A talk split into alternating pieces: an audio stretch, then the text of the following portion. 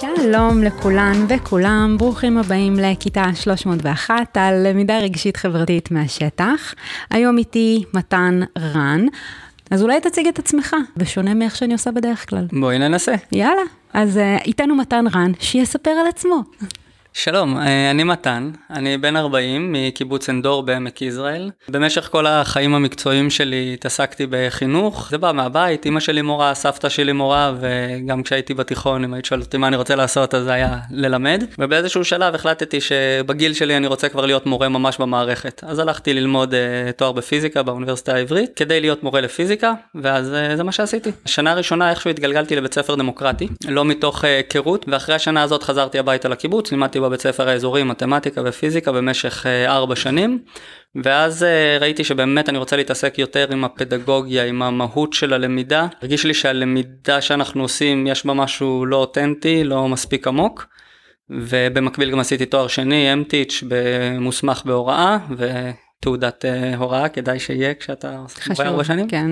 ומשם עברתי לארגון ערי חינוך עם יעקב הכט, uh, שלמדתי ממנו המון, זה היה בית ספר לחינוך ופדגוגיה, ובתוך העבודה הזאת בעצם פגשתי את המושג שנקרא לומד עצמאי או לומד במוכוונות עצמית, והתחלנו בתוך הארגון להגיד, אוקיי, פרק בתוך uh, תוכניות פדגוגיות, הנבחרת, תוכניות של ערי חינוך, צריך להיות לומד עצמאי.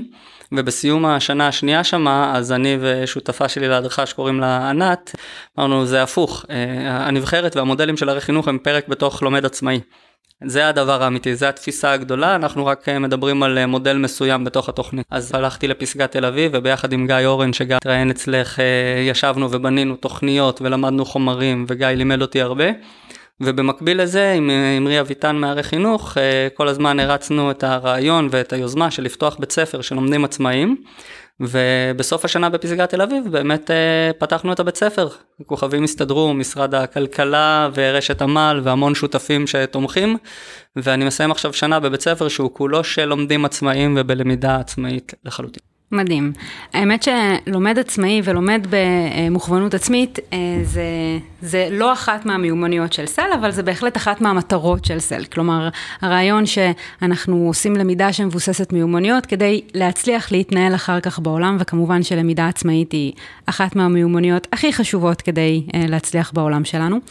אה, ו speaking of מיומנויות, אז הייתי שמחה שתבחר איזושהי מיומנות אחת מהמיומנויות של SEL, ותספר לנו איזשהו סיפור עליה. אז אה, אני דווקא חשבתי כששאלת אותי את השאלה על אה, להיכנס לנעלי אחר, אמפתיה, להבין איך אחר מרגיש, איך אחר חושב אולי, וזה סיפור שהתחלתי אותו קצת אה, קודם, אני אחזור אל ההתחלה שלו, אה, שניגשה אליי תלמידה ואמרה לי כשהכנתי כיתה לבגרות במתמטיקה, והיא אמרה לי, מה אכפת לי באיזה צבע הכדור שאני מוציאה מהכד? ואני חשבתי באמת, מה אכפת לה? ואני מאוד אוהב סטטיסטיקה, אני חושב שככה מקבלים החלטות מושכלות בחיים, אבל היא לא ראתה את זה, וישבנו ביחד ושכתבנו את השאלה ככה שהיא תעסוק בסיכוי שלי להגיע בשלום הביתה מאיזושהי מסיבה אחרי ששתיתי, ומה קורה אם לוקחים מונית, אם הולכים ברגל, אם אה, נוהגים הדבר הזה הפך להיות בעצם שיטה, לקחנו את כל השאלות במאגר, יש מאגר של שאלות למתמטיקה, ונתתי לתלמידים במשך אה, כל שנה בתחילת השנה לבחור שאלה אחת ולשכתב אותה, ככה שהם ישמרו בדיוק את אותו מנגנון מתמטי, אבל השאלה תהיה משהו מהעולם שלהם שהם מתחברים אליו,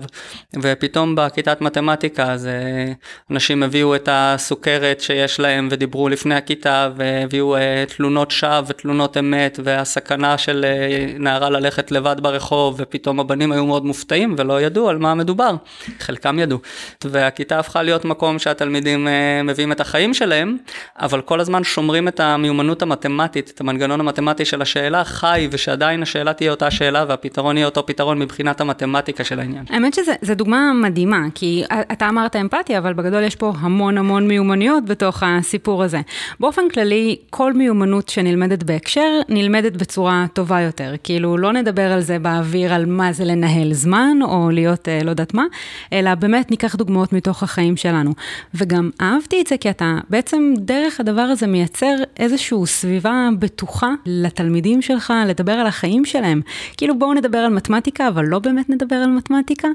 אה, וזה באמת אה, משהו שהוא מאוד מאוד חשוב כדי לתרגל מיומנויות. ואני חושבת שזה חלק מגישה קצת יותר רחבה שלך, נכון? על איך נכון לדבר על מיומנויות, ומה המטרה של מיומנויות רגשיות חברתיות. לגמרי. אה, אני ראיתי בהרבה מקומות שעבדתי איתם וליוויתי אותם, שמדברים על המיומנויות סל, אז uh, מתייחסים לזה לפעמים בתור uh, צ'ופר, תוספת, בונוס, כדאי שיהיה גם את זה, ולפעמים בצורה אחרת גם בתור, אוקיי, זה הדבר האמיתי, המיומנות האקדמית היא בשביל המבחן, או אולי היא חשובה, אבל פחות חשובה, אלו החיים עצמם.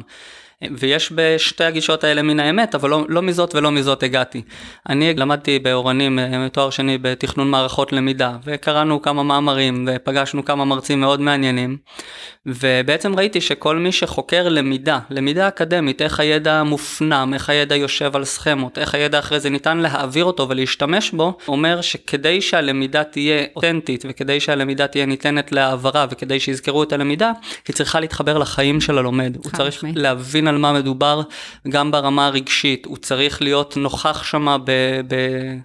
אני מנסה לחפש את המילה, אנחנו קוראים לזה המרכזים בשפה הרוחניקית, אבל עם כל החושים שלו והרבדים שלו, כדי שהדבר הזה יתפוס. הוליסטי. כן, תפיסה הוליסטית, תפיסה שלמה. לגמרי, גם ידע בסוף, יש לו התחלה ויש לו סוף. כלומר, אני, אם אני יודעת משהו, סטטיסטיקה, במתמטיקה, אם נחזור להסתברויות וסטטיסטיקות הנוראיות, אמ, אז אם אני יודעת אה, עכשיו לעשות את העץ הזה, אז אני, זה, זה מתחיל וזה נגמר איפשהו. מיומנויות מאפשרות לי לקחת את הידע הזה ו, ולהשליך אותו על דברים אחרים בתוך החיים שלי, הם מאפשרים לי לעשות את המניפולציות האלה. ואני מאוד מסכימה עם זה, כלומר, זה לא רק להסתכל על הילד כאיזשהו משהו שלם שלא מורכב רק מהידע שלו, אלא זה יותר מזה. כשאני לימדתי, אם לתלמידים שלי לא היה את המרחב הזה, לדבר על הרגשות שלהם, לדבר על הדברים שהם לא היו פנויים ללמידה, כלומר זה בכלל לא היה משהו שהיה אפשר לעשות. וגם אני חושבת עלינו כאל בני אדם, אני לא זוכרת מקום ותקופה שאני הצלחתי ללמוד כשהייתי לחוצה, או כשהייתי מאוימת, או כשהרגשתי לא נעים.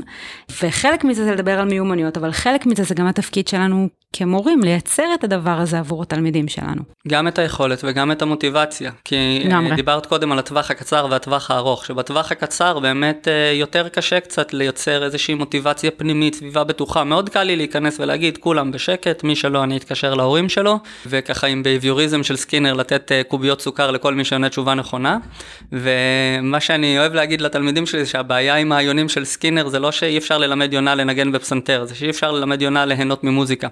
ואני רוצה שהילדים שהם יגדלו ויהיו מבוגרים יגידו ללמוד זה דבר מדהים, כי כשהייתה לי בעיה פתרתי אותה עם ללמוד, ו- וכשהיה לי אה, רצון ל- להתפתח הלכתי ללמוד, ו- וזה שווה את ההשקעה, כי יכול להיות שייקח לי קצת יותר זמן לבנות את זה, ויכול להיות שאם אני אאפשר חופש, הם לא כולם ילכו לכיוון שאני רוצה, אני אקבל דווקא דברים מגוונים יותר, וזה לא ישרת אותי אם אני יודע בדיוק מה יהיה במבחן הבגרות בעוד שנה, אז זה לא הכלי הכי הכי הכי אה, שיביא אותי לשם מהר, טוב ויעיל.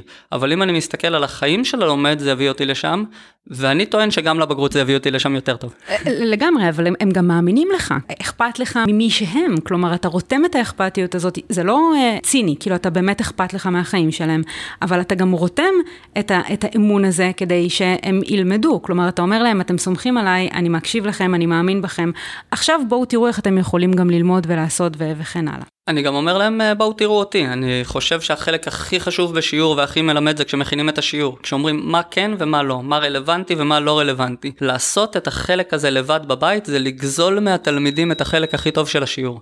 אה, זה, זה פשוט חבל. אה, בואו תשבו, אני פותח את הגוגל, מסתכל ואומר, אם אני מכין שיעור בפיזיקה, אז אני אומר, אוקיי, זאת דוגמה שמדגימה את זה יפה, זה נראה לי אתר מקושקש, ואז אומרים לי, רגע, למה? זאת השאלה הכי טובה, ואי אפשר לזייף את זה, כי להגיד בואו נעשה שיעור על סממנים שמזהים אתר באיכות גבוהה ואתר באיכות נמוכה, זה לא תופס כמו לראות את מתן מתלבט מה להביא לשיעור הבא כן או לא. אז בואו נכין את השיעור איתם. אוקיי, okay, אז בעצם הדרך שלך לתווך את המיומנויות האלה עבור התלמידים שלך, זה שהם יהיו חלק מתוך התהליך הזה? איך עוד אתה עושה את זה? כאילו חוץ מלבנות שיעור יחד איתם.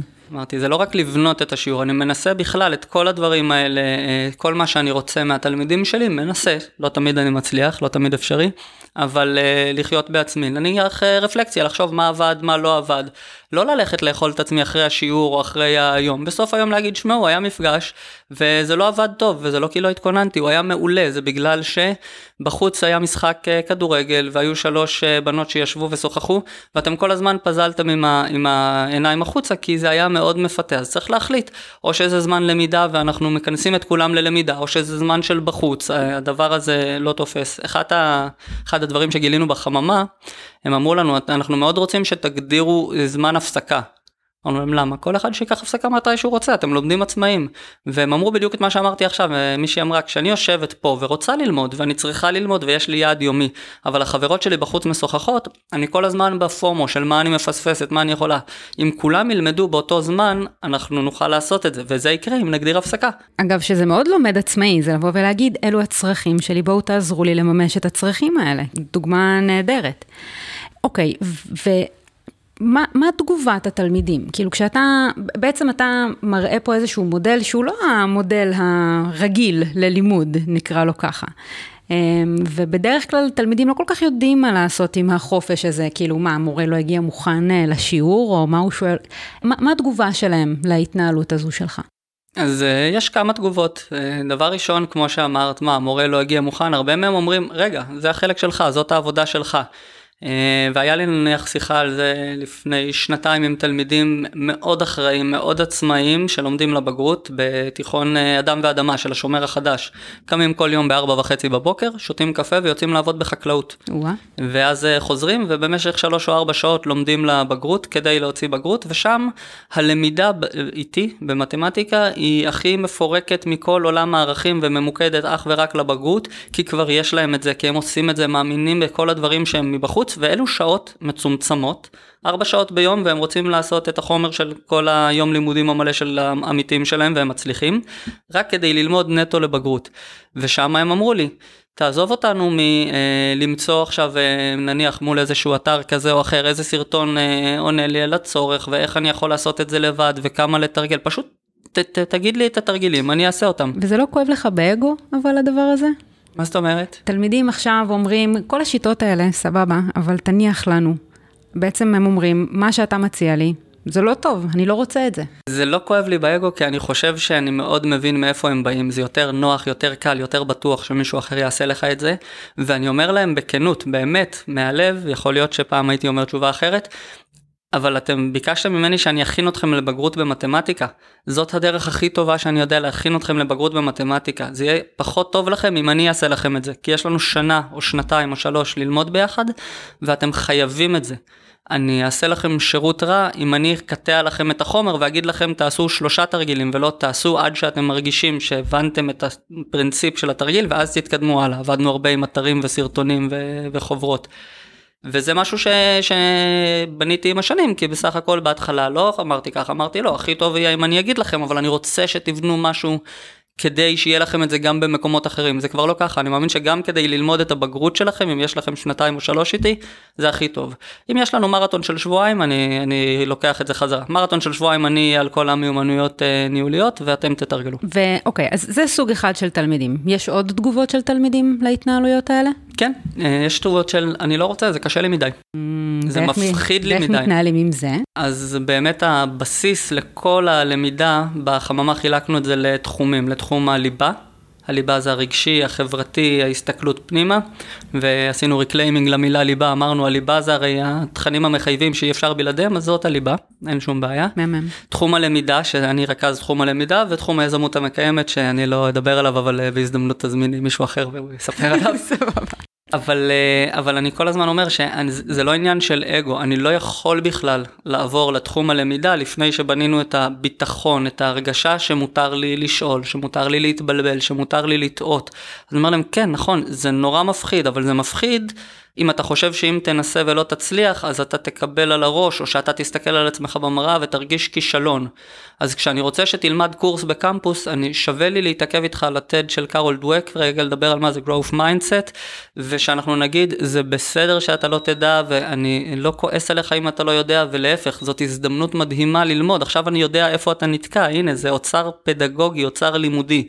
יש פה סדר, אני חייב קודם לבנות את הביטחון, לבנות את המקום הבטוח, לבנות את ה... היכולת לשאול שאלות לפני שאני הולך וזורק על מישהו מיומנויות של למידה עצמאית. אוקיי, okay, אז, אז אני שומעת כמה דברים מתוך מה שאתה אומר. אז קודם כל אתה אומר, אני קשוב לתלמידים שלי. אם אני באה עם איזושהי גישה פדגוגית, לימודית, הוראתית שעובדת לי, ומבחינתי ככה צריך ללמוד, אבל התלמידים שלי אומרים, לא מתאים, ויודעים גם להסביר לי למה זה לא עובד, אני מסביר להם את הרציונל, אבל גם זורם איתם בסוף ומבין את הצרכים שלהם בתוך זה. כאילו, אגו לא משחק פה תפקיד. הלוואי, אני רוצה שהוא לא ישחק תפקיד. זה, זה גם חשוב לנהל את השיח הזה, כאילו, העובדה שאתה יודע לנהל אותו הוא גם חשוב. תלמידים מבינים שבסוף יש להם פה פרטנר, זה לא אתה נגדם, כלומר, אפשר לנהל איזשהו שיח. עם התלמיד, להתייחס אליו כאל אדם שלם שיש לו תחושות רצונות ולא רק באת לעשות איזושהי משימה מולו ולהתאים את מה שאתה צריך והוא צריך אה, ללכדי הלמידה.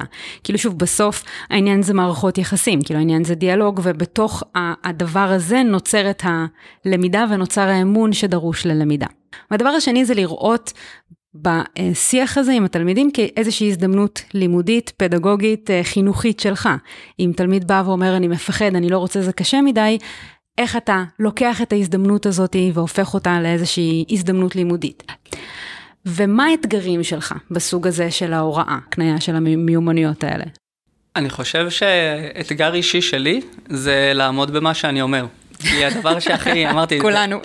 באיזשהו, אה, יש פה איזשהו דיסוננס, אני, אני ממש מרגיש נוח, הקמפרט זון שלי, זה פשוט לעמוד ולדבר ולהגיד לכולם את התשובות ולספר להם, ואני יודע שזה לא מה שעושה טוב לתלמידים ולא מה שייתן להם את מה שהם צריכים, אולי הם רוצים את זה, אבל זה לא מה שהם צריכים ממני. אני ממש אה, מסכימה עם זה, ואני חושבת שזה גם איזשהו, כשאתה מורה קשוב לעצמך ולסביבה שלך, אה, אני חושבת שזה איזשהו תהליך טבעי שהרבה מורים עוברים. כלומר, אתה מבין שאתה, כשאתה מתנהג ככה עם תלמידים, אתה מבין באיזשהו שלב שמשהו לא עובד. כאילו, אם הם מאוד אוהבים אותך, אז יכול להיות שהם סבלניים כלפי ההתנהלות הזאת, אבל פתאום אתה רואה את העיניים שלהם קצת מזוגגות, והם מסתכלים אה, מהצד כזה, ואני חושבת שכשאתה קשוב, אתה עובר איזשהו תהליך שאתה מבין שאתה חייב לשחרר, כי, כי למידה מתרחשת ב... בחיץ הזה, שאיפה ששחררת ואיפה שאתה נותן איזושהי שאלה לכיתה שאתה לא יודע מה התשובה שלה. ולי זה היה מאוד מאוד קשה לעשות את זה. כשאני הייתי מורה, אה, זה היה לי, היו כמה שיעורים כאלה שפשוט יצאתי עם השערות אה, ככה. איזה מקצוע לימדת? לימדתי אה, היסטוריה ואזרחות. או, כן, מעניין. כן, לגמרי, אבל דווקא יותר הרגשתי את זה עם כיתת החינוך שלי. אני חינכתי כיתת מצוינות במסגרת תוכנית נחשון, זאת אומרת שהיו לנו שש שעות שבועיות, כל שבוע אני מולם. בהצלחה. כל דקה מהיום הייתה מתוכננת, כלומר בדיוק מה הם עושים, איך הם עושים את התוצרים, איך אתה, ולא היה להם מרווח אה, לנשום, וכשלא הצלחנו להגיע לסוף היום, כשכמו שתכננתי, אני הרגשתי מאוד מתוסכלת והם הרגישו מאוד מאוד מתוסכלים. ואז פתאום הבנתי שמשהו צריך להשתנות, כלומר, אני צריכה לתת להם לעשות דברים לבד, גם אם הם ייכשלו, וגם אם הם לא יצליחו, וגם אם אני כביכול לא אצליח דרך זה. אה, ואני חייבת לומר שכשהצלחתי לשחרר את זה, זה היה מאוד מאוד מורכב, אבל כשהצלחתי לשחרר את זה, אה, הפעילויות הכי טובות בעולם קרו. וגם אני צריכה להגיד שבאיזשהו שלב אה, צריך לעשות פה כזה בלמים ואיזונים, speaking of אזרחות. צריך לעשות פה בלמים ואיזונים, כי באיזשהו שלב שחררתי לגמרי. לגמרי והבנתי שזה לא עובד, ואז הבנתי שיש פה איזשהו מרווח שצריך לעשות בשבילם, ליצור להם setting נכון, שיבינו מה המשימה, אבל לשחרר להם את הזמן. כלומר, כן היה פה איזשהו תהליך של למידה גם, גם שלי. זה, אתה הרגשת שזה גם משהו שקרה אצלך, התהליך הזה? ברור, אז באחת ההשתלמויות ליוויתי את רשת בני עקיבא. אז uh, הקראתי להם את uh, תורה ס"ד, ליקוטי מוהר"ן, אני uh, באופן כללי אוהב uh, לקרוא ואני זוכר מה שאני קורא, אז אני תמיד אשלוף איזה משהו uh, מתחום התוכן של מי שעומד מולי, וזה מהקבלה, זה נקרא... זה... אני גם uh, קורא מה כתוב על הקיר מסביב, ואז משתמש בזה, וכולם חושבים שאני נורא יודע מה הולך. סודות של אה, זה, של מומחים פה. אה, אז, אה, אז יש בקבלה את סוד הצמצום, שאלוהים ברא את העולם והעולם היה מלא באלוהים, כי אלוהים הוא אינסופי. אז היה צריך להצטמצם כדי שיהיה מקום לעולם, כי הכל היה מלא רק בו. והסוד הקבלי זה איך להצטמצם ולהישאר אינסופי, זה רק אלוהים יודע. אז אני לא, אני לא חושב שאני יודע את הסוד, אבל כן, העבודה זה להצטמצם כדי שיהיה מקום למשהו אחר, בלי לוותר על מה שאתה רוצה להביא. אמ, אוקיי, אז בעקבות השימוש בהוראה שמבוססת מיומנויות, האם משהו השתנה בהוראה שלך? אז אני חושב שמאוד, אני חושב שההוראה שלי נראית אחרת לגמרי, עכשיו עוד פעם, הקדמתי ואמרתי, אני עובד בבית ספר שהייתי בצוות שפתח אותו ושהוא מאוד שונה. אבל... תספר לנו קצת על, על הבית ספר אה, הזה, מה, מה שונה בו?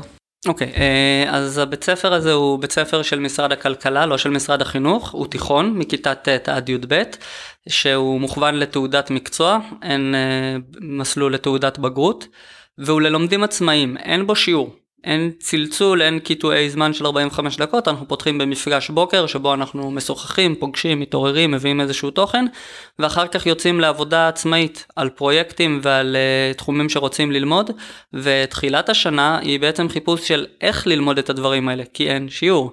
זה נחמד להגיד, אני רוצה לתכנת, אני רוצה להיות פסיכולוגית, אני רוצה לרקוד, אני רוצה ללמוד כלי נגינה.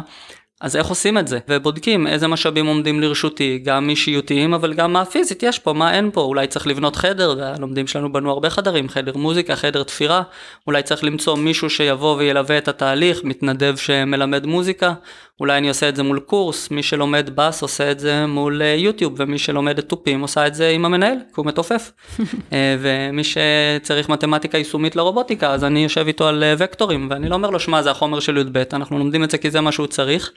ודרך שם, דרך זה הוא גם מגלה מה שיכולתי להגיד לו, אבל אין טעם להגיד לו, שהוא עוד לא מצליח uh, לעשות uh, את החישוב שצריך בוקטורים, כי הוא לא למד גיאומטריה אנליטית, כי הוא לא למד הרבה דברים אחרים שיש בדרך. ואז אנחנו חוזרים לשיעור גיאומטריה אנליטית, שדומה מאוד לשיעור שהייתי עושה בבית ספר אחר, עם ההבדל שא' יושבים שם שלושה ילדים, שהם הצוות שעבד והגיע לזה והיה צריך את זה, וב' הם ביקשו ממני שאני אלמד אותו, והם רוצים לשמוע מה שאני אומר. כל PBL הוא בעצם כזה, כשחושבים על משהו שמבוסס פרויקטים, כי פרויקטים צריכים לגזור לנו אחורה לכל המיומנויות והידע שמרכיבים את הפרויקט הזה. איך הילדים יודעים שהם הקנו לעצמם מיומנויות כלשהם בתוך התהליך הזה? אנחנו צריכים ללמוד להגדיר קריטריון בתחילת הלמידה שיסמן לנו לאן אנחנו הולכים ואיך נדע שהגענו. ואנחנו עובדים מאוד גם שהקריטריון הזה יהיה אובייקטיבי. אובייקטיבי כלומר משהו שלא תלוי דווקא בדעה של מתן ושל טל, אלא שאפשר למדוד אותו ולספור אותו מבחוץ. זה לפעמים uh, קשה ו- ומסובך, אבל כשלומד אומר לי אני רוצה להרגיש שאני שולט יותר טוב בכלי נגינה בעוד חודשיים, אני אומר לו אז אני רוצה להבין מה זה אומר. זה אומר שאתה יכול לנגן שיר עם הרכב, שלושה שירים. שתי תיבות, ואז מציבים איזשהו יעד, ולפעמים אחרי חודש למידה אומרים, וואו, היעד הזה, כשהצבתי אותו, הוא היה נראה לי בר השגה, עכשיו זה ענק, אני צריך לקטע אותו לעוד ארבעה אה, יעדים. אבל אנחנו צריכים משהו שאפשר להסתכל עליו מחוץ ולראות אותו, כי ממה שאנחנו אה, גילינו וראינו גם בבתי ספר אחרים ובאמת ב-PBLים, כשאומרים אני רוצה להרגיש טוב עם עצמי, להרגיש שלמדתי, תמיד בסוף אה, אפשר להגיד שאני מרגיש שלמדתי או שאני מרגיש שלא למדתי, זה לא אומר הרבה. זה באמת להגדיר יעדים שאפשר למדוד אותם ולבדוק אותם, שזה tricky, זה קשה.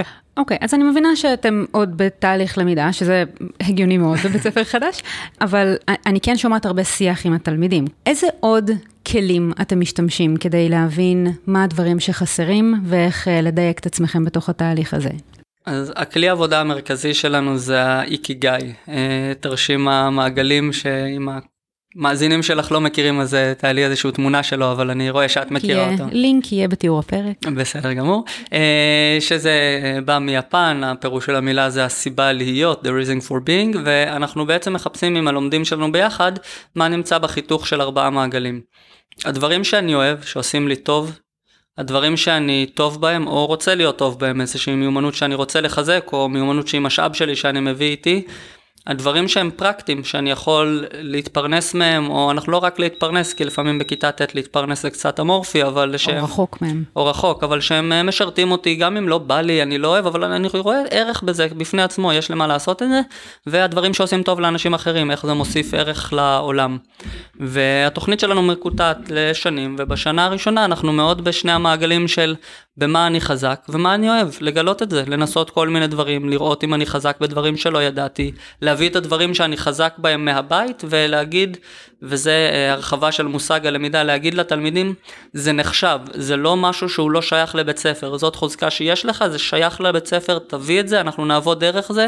שאני אתן דוגמאות, זה היה, אה, יש לי אוסף של אה, פריטים קטנים, מיניאטורות של סקייטבורד שאני בונה ורוכש וקונה ואני נמצא בפורומים, אני מתעסק בזה שעות על גבי שעות, אבל זה לא שייך לבית ספר, אני לא יודע איך זה יכול לעזור לי. זה יכול לעזור לך, בוא, בוא נבין מה עשית כדי להצליח ליצור את האוסף הזה. קנית את זה בעצמך, עבדת, מכרת אותם, היית צריך לתקשר ולדבר עם אנשים. אז לעזור לתלמיד לשיים את הדברים האלה שכבר יש בתוכו, ואיך זה משרת את מה שהוא רוצה להגיע אליו. כן, זה במישור החוזקות, וגם את מה אתה אוהב, וחלק באים ואומרים, אני יודע בדיוק את מה אני אוהב, ואנחנו מנסים uh, להגיד להם, אוקיי, בואו נחזק את זה, אבל אחרי זה נמצא עוד דברים. חלק לא יודעים, הם בחיפוש, אני לא יודע מה אני אוהב, אז בוא תתנסה. בוא נעשה, uh, גם תתנסה במרחבים של בית הספר, גם מביאים מבחוץ הרצאות כזה של העשרה וחשיפה, אנשים שבחרו מסלול, אנשים שהם מההייטק, אנשים ממחלקת החדשנות של שטראוס הבאנו, איך ממציאים חטיף. ומקעקעת, ושף קונדיטור שעשה איתנו סדנת אפיית פוקאצ'ות, ומישהי שעשתה סדנה של אקרו בלנס ושל עבודה עם הגוף. אה, ובוא תגלה מה, מה בעצם אתה אוהב, מה מדבר אליך, איפה אתה מרגיש בטוב, בנוח. וזה תהליך אה, פרטני או תהליך קבוצתי? גם וגם, אה, עם הקבוצה אז בדברים כמו שאמרנו קבוצתיים וגם שיחה שבועית אה, פעם בשבוע, אני מתכווץ כשאני אומר את זה כי אני יודע כמה פעמים פספסנו את השיחות השבועיות כי היינו כל כך בריצה. היה לא מזמן את יום השואה על לוח השנה ולפני זה עשינו טקס ולפני הטקס אז אה, דיברנו ושאלנו אותם התחלקנו ככה על ציר. עד כמה חשוב בעיניכם אה, לעשות טקס ליום השואה? והתלמידים אה, הצביעו ברגליים אמרו חשוב טקס זה דבר חשוב. כמה אתם מרגישים שהטקס מדבר אליכם ואתם לוקחים ממנו משהו חיובי שהוא חשוב לכם והם היו על אה, ממש כמעט לא. ואז אמרנו אוקיי יש פה איזה פער זה חשוב בעיניכם אבל מה שעושים אתם אומרים שאתם לא לוקחים ממנו משהו חיובי. מה המטרות של הטקס? למה עושים? ואני זוכר שהתחלתי את זה בלהגיד טוב בטח נמאס לכם כי כל שנה מדברים על זה אבל בוא נדבר רגע על השאלה הזאת צריך לעשות טקסים של יום השואה, זה חשוב, ואחת הלומדות הרים את היד ואמרה, לא מדברים על זה כל שנה, אף פעם לא שאלו אותנו. האם צריך לעשות טקס ולמה עושים אותו, פשוט היה טקס. ש- שזה קטע, אתה יודע, כאילו, לא, לא צריך להיות אה, אה, מורה ולומד בתיכון החממה, כדי פשוט לשאול את השאלות האלה את התלמידים. זה לא משהו שהוא אופייני רק לבתי ספר מיוחדים, ש... כל מורה וכל מחנך או מחנכת יכולים לנהל את השיח הזה בתוך הכיתה שלהם. נכון שהגמישות לבצע שינויים דרמטיים בתוך בית ספר היא אחרת, כי שוב, זה קשור לסדירויות ול-DNA ולערכים של, תוך, של, של בית הספר, אבל השיח הזה שאתה שואל את התלמידים, מה אתם רוצים שיהיה? זה, זה שיח קריטי בעיניי, כאילו זה מייצר סביבה וזה גם מייצר אנשים אמיתיים שלומדים ורוצים ומתעניינים ואכפתיים. אז מסתבר שאני מאוד נאיבי, כי אני תמיד מניח שכולם עושים את זה בכל מקום, אבל זה לא ככה. לא. אה, נניח כשהייתי מורה לפיזיקה בבית ספר הממלכתי, היה פרק, זה היה פיזיקה לא לבגרות, אלא יחידה של, אה, יחידה מדעית בכיתה י', והיה פרק שנקרא מנוע המכונית, ומול בית הספר היה מוסך. אז אה, אז באתי ואמרתי... אחד ועוד אחד שווה. באתי ואמרתי למנהל, אני יודע שבטח כל שנה יוצאים למוסך בפרק של מנוע מכונית, אז אה, למי צריך, אה, למי יש את התיק שכתוב, ואיפה האישורים? אמר לי, מה זאת אומרת כל שנה? אני אומר, אה, אני אמרתי לו, אבל, אבל יש פרק של חצי שנה שנקרא מנוע מכונית ואנחנו מול מוסך, אז מה עשו שנה שעברה כדי ללכת למוסך? הוא אמר, בשמונה שנים שלי פה אף אחד לא הלך למוסך אף פעם. אני לא הבנתי את זה, איך אפשר ללמוד על מנוע מכונית ולא ללכת למוסך ולראות מנוע של מכונית? אבל זה יותר מזה, זה ברור שלמידה בהקשר, ובואו נלך אה, לראות את העולם האמיתי, העולם האמיתי, שוב גרשיים אר אה, כאלה. אני נגד הביטוי העולם האמיתי. חד משמעית, לגמרי. כאילו עכשיו אה, אנחנו מבזבזים את הזמן והעולם האמיתי מחכה לנו. בית הספר הוא העולם האמיתי של התלמידים. ברור שבית ספר זה מגרש המשחק. לא, כאילו ברור שזה העולם האמיתי, וברור שלמידה בהקשר זה סופר חשוב. ברור שאם אתה לומד על מנוע, לך למוסך. אבל זה לא רק זה, זה תשאל את התלמידים, אתם רוצים ללכת למוסך? כאילו זה נכון בשבילכם? אחרי שחזרתם, איך היה לכם? למדתם? מה למדתם? כאילו, שנייה לעשות פה איזשהו תהליך שהוא יותר מכאילו זבנג וגמרנו. ואני חושבת שמורים לא עושים את זה. ואני תוהה למה, למה לדעתך מורים לא עושים את זה? אה, יכול להיות שמורים מזהים את אה, לשאול עם התלמידים מה דעתם ואם הם רוצים ואם זה חשוב להם עם זה שאני צריך לעשות מה שהתלמידים אומרים לי. וזה לא ככה. אני יכול לשמוע מה דעתם ואם זה חשוב להם ושהם יגידו זה לא חשוב לי אני לא רוצה זה לא מעניין אותי. ואם בעיניי זה חשוב ואני יודע להסביר את עצמי אני עדיין אעשה את זה מותר לי. אבל עצם זה שהתקיימה השיחה ואני הסברתי למה זה חשוב בעיניי ואני שאלתי אותה משיחה מאוד חשובה ואני פגשתי הרבה כשנתתי השתלמויות למורים למתמטיקה, מה, אם אני אשאל אותם, הם יגידו שהם לא רוצים. חשוב לי לשמוע שהם לא רוצים ולהסביר להם למה בעיניי כן אנחנו נלמד את זה ולראות מה העסקה בינינו, מה החוזה. אתה לא רוצה ללמוד את זה אבל אתה רוצה בגרות, נכון? ולבגרות אנחנו לא בוחרים את החומר, זה מוכתב, נכון? אז אנחנו נלמד את זה למרות שאתה לא רוצה, אבל הייתי רוצה שנלך צעד אחורה ונגיד אני לא רוצה את זה עכשיו במובן שלא בא לי, אבל אני רוצה את עסקת החבילה. אני תמיד מדבר על עסקאות חבילה. אני כן רוצה בגרות, אני כן רוצה, בחממה אנחנו מדברים על זה הרבה, אומרים, נו אז המפגשים שאתם עושים זה סתם מפריע לי, העסקה פה זה שאני לומד עצמאי, תעזבו אותי בשקט, יש לי זמן עצמאי.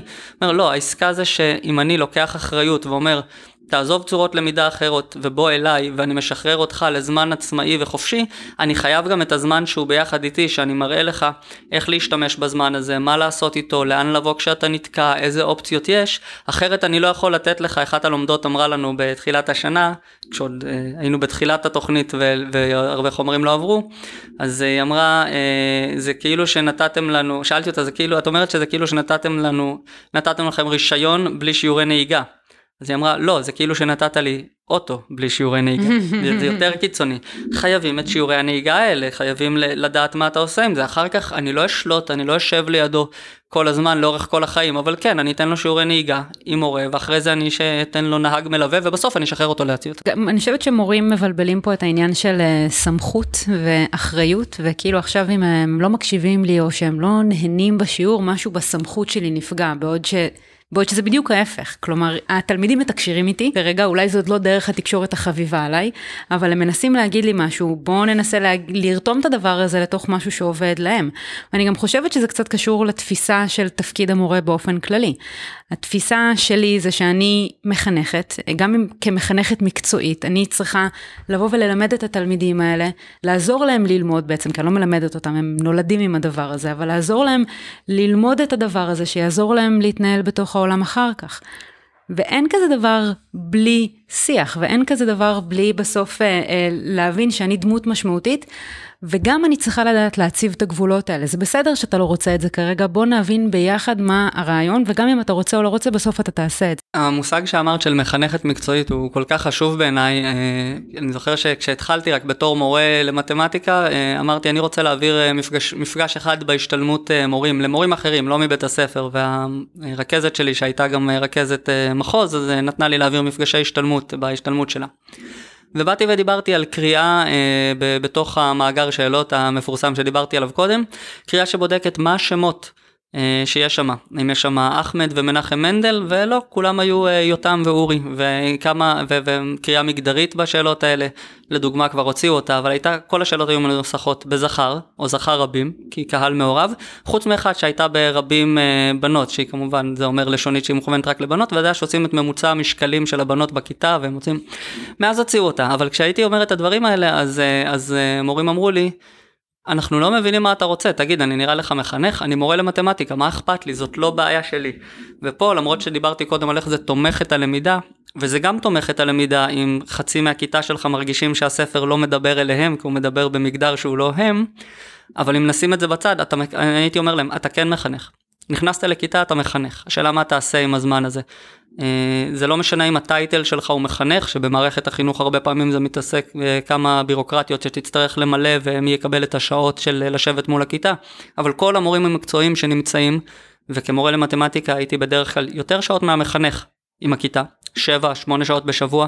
אל מול 2-3 של המחנך או המחנכת. אל מול 2-3 של המחנך, אמרת, אז הייתי אומר למורים האלה, לא, אתה כן מחנך. עכשיו השאלה אם אתה מחנך ב, אה, על דרך חיוב, או על דרך השלילה, או על דרך ההתעלמות. כשאתה אומר אני לא מתעסק בזה, זה לא נעלם, זה אומר, זה פה, ואני חושב שזה לא מספיק חשוב להתעסק בזה. זה יותר מזה, זה עושה מסר בדיוק הפוך עבור התלמידים. כאילו, הם אומרים, כרגע יכול להיות שהמחנכת שלי או היועצת שלי מדברות איתי על אה, רגשות ועל התפתחות ועל כישורי חיים, אבל בפועל מה שקורה בתוך הבית ספר זה שלא באמת אכפת להם, הם באים ללמד מתמטיקה, הם באים ללמד אזרחות, ופה זה נגמר. זה יוצר בדיוק התוצאה ההפוכה של מה שאנחנו רוצים שיקרה. אגב, זה עוד אחד מהעקרונות המאוד מאוד קריטיים ליישום של מיומנויות רגשיות חברתיות בתוך בית ספר. זה איזושהי טרמינולוגיה רגשית בית ספרית כולם מדברים באותה השפה. זה לא ששיח רגשי שייך ליועצת ושיח של כישורי חיים שייך למחנכת.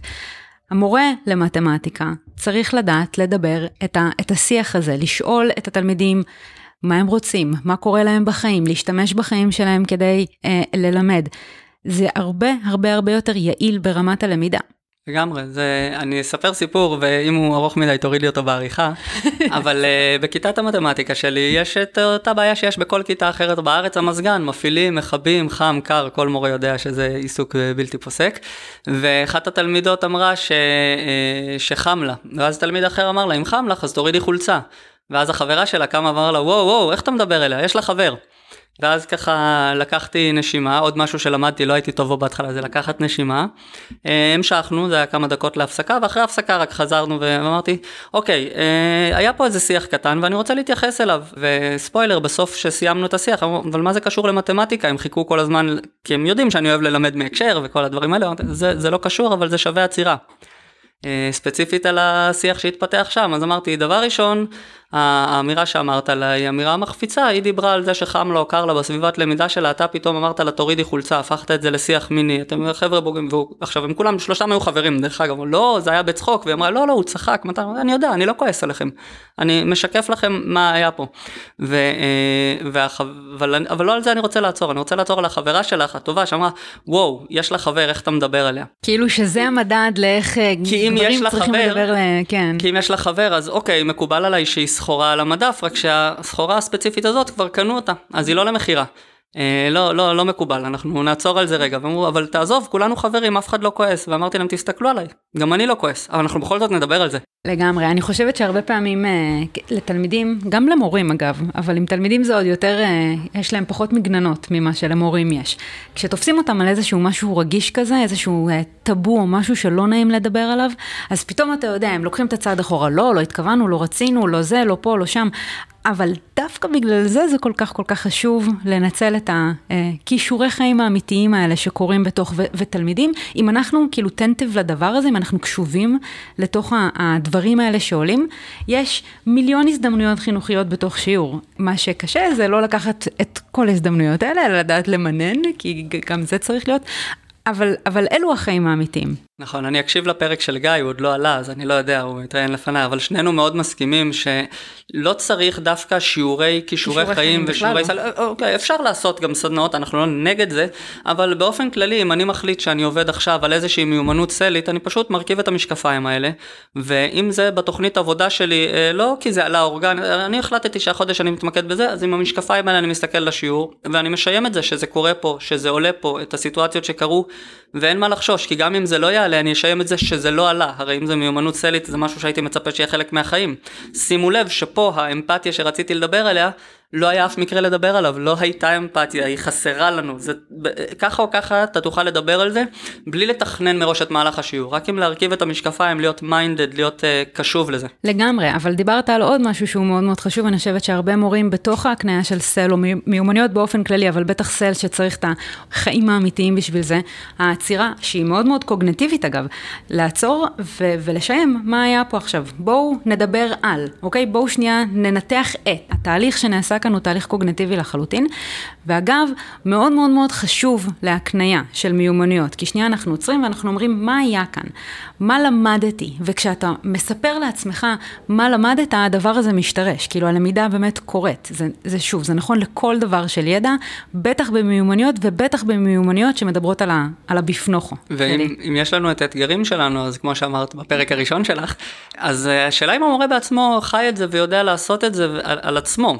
לפני שאתה הולך אה, לדבר לאחרים, ויכול להיות שלא, יכול להיות שאני לא קשוב לעצמי, יכול להיות שאני לא רפלקטיבי, יכול להיות שאת האמפתיה הזאת אני לא מרגיש לעצמי, או לא מרגיש שאני מקבל מהמנהל שלי והצוות שלי ושיש לי את המקום לזה, ואי אפשר אה, לזייף את זה. אם אני לא מרגיש את זה, ואם אני לא חי את זה, ואם אני לא מבין את זה, אני לא אוכל גם להעביר את זה הלאה. אז קודם כל המורה צריך לגמרי. לחיות את זה, וזה קשה. זה מחויבות. של מנהלים ומנהלות לייצר סביבות כאלה עבור המורים שלהם, כי modeling עובד ככה. אמ, יחד עם זאת, אני גם חושבת שזאת אחריות של מורים, אוקיי? אני יודעת שהסביבה הבית ספרית, מערכת החינוך באופן כללי, היא מאוד מאוד שוחקת, מאוד קשה לרצות להיות המורים האלה וגם להישאר בשפיות. כי, כי אי אפשר עם כמות המשימות המומצאות יותר והמומצאות פחות, גם לעשות את התהליכים האלה. מה שאני מצאתי מאוד אפקטיבי בהוראה שלי עם המיומנויות האלה, זה פשוט לתת לזה להיות, אוקיי? ולשחרר את העובדה שאני יודעת הכל. כאילו זה משהו שלי מאוד מאוד מאוד עזר בתוך התהליך הזה. ולהתייחס למי שנמצא מולי כשווים לי. אה, זה לא אומר שהסמכות שלי נעלמת, אבל כן דעתם מאוד מאוד נחשבת. אה, וזה קשה, נכון, אני מאוד מסכימה עם זה, אבל אני חושבת שכאן קורית למידה אמיתית. ושנייה ליהנות מהמפגש האנושי האותנטי שקורה, והוא קורה בכל פעם שבני אדם נפגשים אחד עם השני. כן, אני מסכים איתך שזה אחריות של המורה, ושוב, זה, זה מחזיר אותי להתחלה, התחלה שלנו, שזה מה שמשרת גם את הלמידה. אם אתה מורה שבאמת אומר, ואני מאוד אוהב כנות בשיח, אני רוצה כנות, אני חושב שיש לנו בעיה של כנות בשיח אה, במערכת החינוך. אנחנו לא אוהבים להגיד את הדברים האמיתיים. אם אתה מורה שמרגיש שהמנדט שלו זה אך ורק להכין תלמידים למבחן, זה מה שאתה רוצה, אתה יכול לתמוך את התפיסת עולם הזה, זה שער לעתיד שלהם, הם צריכים את התעודה, הם צריכים את הציון, אני לא מתכוון אה, לחנך אותם ולא לעשות איתם שום דבר שהוא ערכי, שום דבר שהוא רגשי. אתה צריך להגיד את זה מאוד ברור, ושיהיה ברור שזה החוזה בינך ובין התלמידים. אני כמעט לא מכיר מורים שעושים את זה. אה, באופן ספר, מודע. באופן מודע. בבתי ספר אה, לפחות אינטרנים, בית ספר שכביכול אחראי לחינוך. אבל אם אתה כן אחראי לחינוך, לבן אדם, ואתה רוצה שהוא יוכל להשתמש בזה עוד פעם, כמו בתחילת השיחה, ואתה לא מרגיש שאתה יודע להחזיק שיח רגשי, שאתה יודע לזהות, שאתה יודע לעצור ולנשום, אז יש עליך את האחריות בתור מורה מקצועי שרוצה שהחומר יושרש אצל התלמידים שלו ויכה שורשים, הם יוכלו להעביר אותו הלאה, ללכת ולהתפתח בזה בעצמך. וכן, זו עבודה יותר קשה, הרבה יותר קל לי ללמוד עוד פרק בפיזיקה, בהמשך ל-18 שכבר למדתי בתואר, מאשר ללכת ולעשות עבודה על עצמי, אישיותית, להתמודד עם מה שמפחיד אותי, אמרתי לתלמידים שלי בסוף י"ב שאני מקנא בזה שיש אה, אמ, שיר ברקע והם יוצאים אה, לרקוד והם רוקדים. אמרתי אני אף פעם לא ארקוד מול בני אדם, זה לא, אני לא, זה לא אני, אני, זה מביך אותי, זה לא נעים לי, אני לא אעשה את זה. היום אני יודע לעשות את זה, למדתי, הלכתי ועשיתי את זה, זה היה לי מביך, זה היה לי קשה, אבל עשיתי את זה. כי אה, בין היתר, וזה היה לי ממש במודעות, זה לא היה בטעות. אמרתי, לא יכול להיות שאני אגיד לתלמידים שלי, תתמודדו עם הדבר שהכי קשה לכם ואתם הכי שונאים, ואני איתכם ואל תדאגו, ואני לא אתמודד עם הדברים שקשים לי, זה לא יכול להיות. לגמרי, זה, שוב, זה, זה modeling, כאילו ככה זה עובד. ולהסתכל בתוך הדברים שמפחידים אותך בעיניים של הדברים האלה, אני חושבת שבסוף מה שקורה זה שאתה מתמודד וכל החלטה שאתה עושה נעשית ממקום שלם יותר. אז באמת ככה אה, לקראת סיום. אם היה לך מסר אחד, משהו שהיית רוצה שמורים ומורות ישמעו אותך אומר, מה, מה זה היה המסר הזה? אני חושב שהמסר שלי זה תעשו מה שאתם חושבים שנכון, שטוב לכם ולתלמידים שלכם וישרת אותם, ותגייסו אל זה אה, מנהל, מפקח, אה, רכזת, מורים שותפים.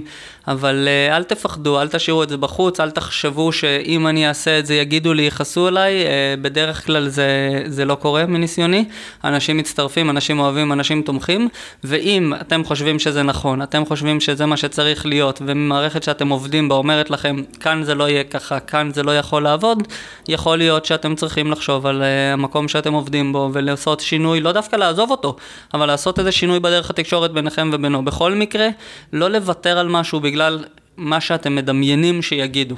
אמן ואמן. מתן, היה ממש אה, מעניין. תודה רבה לך. תודה רבה לך. ותודה לכן ולכם שהאזנתם לנו. נתראה בפרקים הבאים, ויאללה ביי.